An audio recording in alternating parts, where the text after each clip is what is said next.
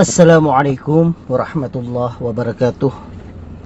Alhamdulillahirrabbilalamin Segala puji bagi Allah kita haturkan Karena pada hari ini kita kembali dapat bersua Pada program Assalamualaikum Dokter Di mana hari ini saya akan membacakan satu buah pertanyaan yang terpilih. Pertanyaan ini dari Bapak Milhan. Saya akan bacakan. Assalamualaikum dokter Waalaikumsalam warahmatullahi wabarakatuh Penderita osteoporosis atau keropos tulang sering kali dianjurkan untuk memperoleh asupan vitamin D. Di antaranya dengan cara berjemur di bawah sinar matahari.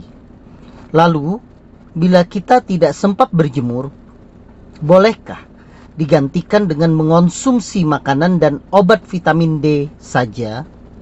Makanan apa dan berapa dosis vitamin D yang dianjurkan dokter? Benarkah mengonsumsi vitamin D harus disertai minum susu atau lemak? Terima kasih dari Pamilhan. Baik Pamilhan, ini pertanyaan yang menurut saya singkat tapi jawabannya yang cukup panjang. Saya akan mencoba menjawab dengan bahasa yang lebih sederhana. Karena kalau pertanyaannya terkait dengan vitamin D, sebenarnya kita harus berbicara secara metabolisme dari vitamin D tersebut. Baik. Saya akan jawab dulu yang pertama tentang vitamin D. Jadi kalau kita berbicara vitamin D, artinya D secara umum itu adalah sebenarnya dua nama generik dari molekul yaitu yang pertama adalah ergocalciferol atau vitamin D2 dan kolekalsiferol, vitamin D3. Jadi, kalau pertanyaannya, perlukah kita mengonsumsi vitamin D atau kalau kita membahas vitamin D, berarti dia ada dua jenis. Yang pertama tadi adalah vitamin D2 dengan nama lain adalah ergocalciferol atau saya menyebutnya D2 saja dan vitamin D3 kolekalsiferol. Nah, kedua senyawa yang saya sebutkan tadi, vitamin D2 dan D3 itu, itu sebenarnya adalah prekursor, yaitu senyawa pendahuluan sebelum terbentuk menjadi senyawa yang lebih aktif. Nah, vitamin D tersebut diperoleh dari mana? Ada tiga dia diperoleh. Yang pertama, vitamin D tersebut diperoleh dari paparan sinar matahari yang kedua diperoleh dari makanan dan yang ketiga itu diperoleh dari suplemen. Namun penting untuk diketahui bahwa matahari itu bukanlah sumber utama untuk mendapatkan vitamin D. Matahari itu hanya membantu dalam mengubah prekursor menjadi provitamin D3 dan D2 tersebut. Jadi, di dalam tubuh kita itu sebenarnya ada kolesterol. Nah, salah satu jenis kolesterol itu adalah namanya 7 dihidrokolesterol. Nah, 7 dihidrokolesterol itu ketika dia di kulit mengenai sinar matahari khususnya ultraviolet B atau disingkat dengan UVB, maka dia akan berubah menjadi prekursor yaitu kolekalsiferol yaitu vitamin D3. Ya, paham ya sampai sini ya? Berarti sebenarnya sinar matahari itu adalah mengubah kolesterol yang ada dalam tubuh kita. Kolesterol itu kan banyak, bisa menghasilkan testosteron, bisa menghasilkan estrogen dan menghasilkan lain sebagainya termasuk salah satunya adalah 7 dihidrokolesterol. Nah, 7 dihidrokolesterol oleh sinar matahari dia berubah menjadi kolekalsiferol atau vitamin D3. Nah, berarti sinar matahari itu hanya salah satu untuk membentuk provitamin D3. Nah, sedangkan ada vitamin lain yang bisa didapatkan selain dari ubahan vitamin D3 dari sinar matahari. Nah, dia didapatkan dari mana juga? Dia juga bisa didapatkan dengan mengonsumsi vitamin D yang terkandung dalam makanan, antara lain seperti kuning telur, kemudian hati, kemudian ikan berlemak, kemudian susu yang terfortifikasi. Maksudnya terfortifikasi itu susu yang sudah diperkaya dengan vitamin D dan zat-zat lain seperti kalsium ataupun dari margarin yang terfortifikasi. Maksudnya itu adalah margarin yang sudah diperkaya dengan kandungan vitamin salah satunya vitamin D jadi kalau pertanyaannya apakah ada cara lain untuk mendapatkan vitamin D. Ada, tidak hanya berjemur, bisa dengan makanan dalam hal ini. Yang kedua dengan apa? Dengan suplemen. Sekarang banyak sekali suplemen khususnya vitamin D3 yang diberikan pada seseorang agar seseorang itu tercukupi kebutuhan vitamin D3 di dalam tubuhnya. Nah, ini dulu jawaban yang pertama.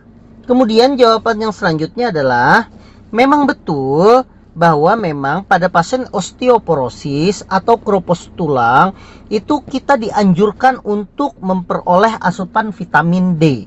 Nah, jadi sebenarnya dalam hal ini vitamin D yang berfungsi untuk memperkuat tulang itu adalah vitamin D yang sudah aktif.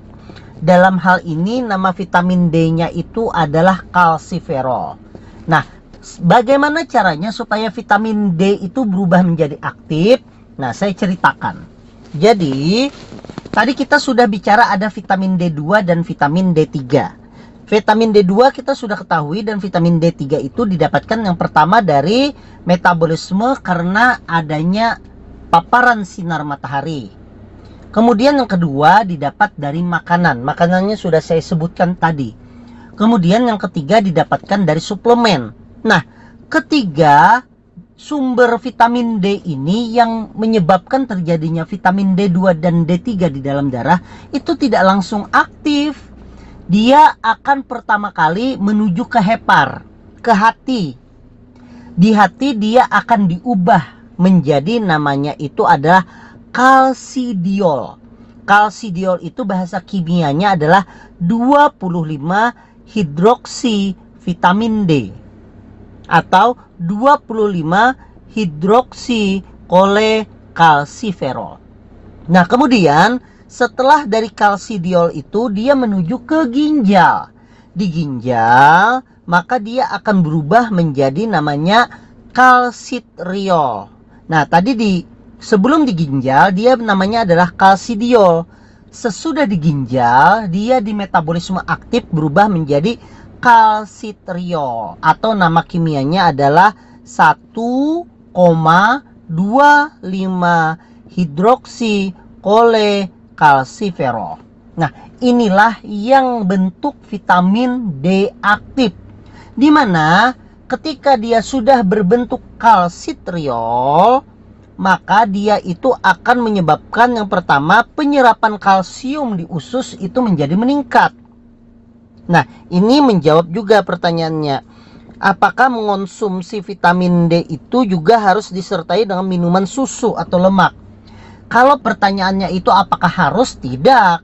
Cuma sangat bagus sekali, sangat kita sarankan meminum vitamin D itu bersamaan dengan susu. Dengan harapan begitu minum susu kemudian vitamin D2 dan D3 yang belum aktif itu kemudian segera diubah oleh hati dan ginjal berubah menjadi kalsitriol atau vitamin D aktif maka dia akan meningkatkan kalsium yang ada di susu tersebut atau di lemak tersebut ya. Jadi fungsi kalsitriol yang pertama adalah meningkatkan absorpsi atau penyerapan dari kalsium di usus. Dan ini sekaligus menjawab pertanyaan ketiga ya. Apakah harus disertai minum susu dan lemak? Kemudian yang kedua dia menurunkan pengeluaran dari kalsium dan fosfat. Nah jadi selain penyerapannya ditingkatkan kalsiumnya juga diturunkan oleh kalsitriol. Fungsinya supaya apa? Supaya kadar kalsium di dalam tubuh itu terpenuhi. Nah, kalau kalsium di dalam tubuh itu terpenuhi, maka dia akan berperan di tulang untuk memperkuat formasi tulang agar tidak terjadi kekeroposan. Karena salah satu penyebab tulang menjadi keropos itu adalah kadar kalsium di dalam darah itu yang kurang sehingga darah mengambil cadangan kalsium dari tulang sehingga tulang menjadi keropos. Nah, kalau kita mengonsumsi vitamin D dan dia berubah menjadi vitamin D, D aktif, maka kalsiumnya akan diserap banyak di usus dan akan dikeluarkan sedikit melalui urin, maka kalsiumnya akan cukup sehingga dia akan kembali membentuk formasi tulang sehingga tulang menjadi tidak keropos. Jadi, seperti yang saya sampaikan tadi bahwa vitamin D3 dan D2 itu belum aktif. Dia diaktifkan oleh hati, kemudian diaktifkan oleh ginjal menjadi kalsitriol yang mana kalsitriol itulah yang berfungsi untuk menyerap kalsium dan mengurangi pengeluaran kalsium sehingga kalsium cukup di dalam darah dan dia membantu untuk membentuk tulang. Nah, pertanyaannya adalah makanan apa dan berapa dosis vitamin D yang dianjurkan oleh tubuh? Nah, makanan yang dianjurkan seperti yang saya sampaikan tadi, makanan yang dianjurkan itu antara lain misalnya dari telur, kuning telur khususnya, hati, kemudian ikan yang berlemak. Nah, seperti ikan patin yang berlemak itu malah sangat dianjurkan. Kemudian susu, terutama susu yang sudah diperkaya dengan vitamin. Dan tentunya adalah margarin yang sudah juga diperkaya dengan vitamin. Nah, kalau obat boleh tidak boleh sekali obat. Boleh sekali terutama kita bisa memberikan suplemen obat ketika seseorang diperiksa kadar vitamin D-nya. Nah, yang banyak diperiksa itu di laboratorium yang sudah tersedia sekarang adalah memeriksa kadar vitamin D3 di dalam tubuh. Nah, kalau vitamin D3 di dalam tubuh itu rendah, maka selain mungkin kita berjemur atau sering mendapatkan paparan sinar matahari, kita juga boleh mengonsumsi suplemen vitamin D3. Supaya apa? Supaya kadar vitamin D-nya itu tercukupi di dalam tubuh kita. Nah, ini mau saya garis bawahi tentang masalah berjemur ya. Jadi sinar matahari itu secara umum ya, memang ada beberapa jenis UV, tapi yang penting diketahui oleh masyarakat ada namanya UVA atau ultraviolet A dan ada namanya UVB ultraviolet B. Nah, untuk perubahan tadi di mana uh, kolesterol yang ada di dalam tubuh kita itu 7 dihidro kolesterol berubah menjadi vitamin D3 oleh sinar UV itu adalah UVB yang penting. UVB itu mulai muncul ketika uh, harinya itu sudah mulai sekitar pukul setengah 10 atau jam 10 siang. Kalau masih pagi misalnya jam setengah 7 atau jam 7 itu masih UVA. Dan UVA itu tidak bermakna untuk merubah menjadi vitamin D3. Yang berguna itu ada UVB. Cuma perlu diperhatikan lagi Pak, biasanya kalau sudah pukul 10 matahari akan bersinar dengan terik, maka berjemurnya tidak perlu lama cukup 10 sampai 15 menit saja. Karena ditakutkan kalau berjemur lebih lama lagi malah akan menyebabkan dehidrasi, kekurangan cairan ataupun kepanasan yang menyebabkan nanti seseorang menjadi kelelahan, kekurangan cairan bahkan sampai shock. Sehingga kalau mau berjemur berjemurnya tidak perlu lama, cukup 10 sampai 15 menit saja. Mungkin itu saja yang bisa saya sampaikan. Semoga ini bisa bermanfaat bagi kita semua dan saya sampaikan sekali lagi bahwa memang sinar matahari itu penting untuk membentuk vitamin D, khususnya vitamin D3. Tetapi vitamin D itu tidak hanya dari sinar matahari, bisa didapatkan dari makanan dan bisa juga didapatkan dari suplemen. Tapi perlu diingat bahwa keseimbangan antar ketiganya itu diperlukan Artinya, jangan karena merasa bahwa vitamin D itu bisa didapatkan dari makanan dan suplemen, akhirnya tidak mau berjemur. Karena berjemur itu juga banyak faktor-faktor lain yang akan menguntungkan ketika seseorang itu berjemur bukan hanya masalah uh, mengubah kolesterol berubah menjadi vitamin D3. Saya doakan semoga kita semua diberikan kesehatan oleh Allah Subhanahu wa taala dan saya doakan Semoga kita semua di sini dalam keadaan sehat menjalankan aktivitas sehari-harinya. Saya ucapkan terima kasih atas perhatiannya untuk kita semua. Saya tutup dengan ucapan wassalamualaikum warahmatullahi wabarakatuh.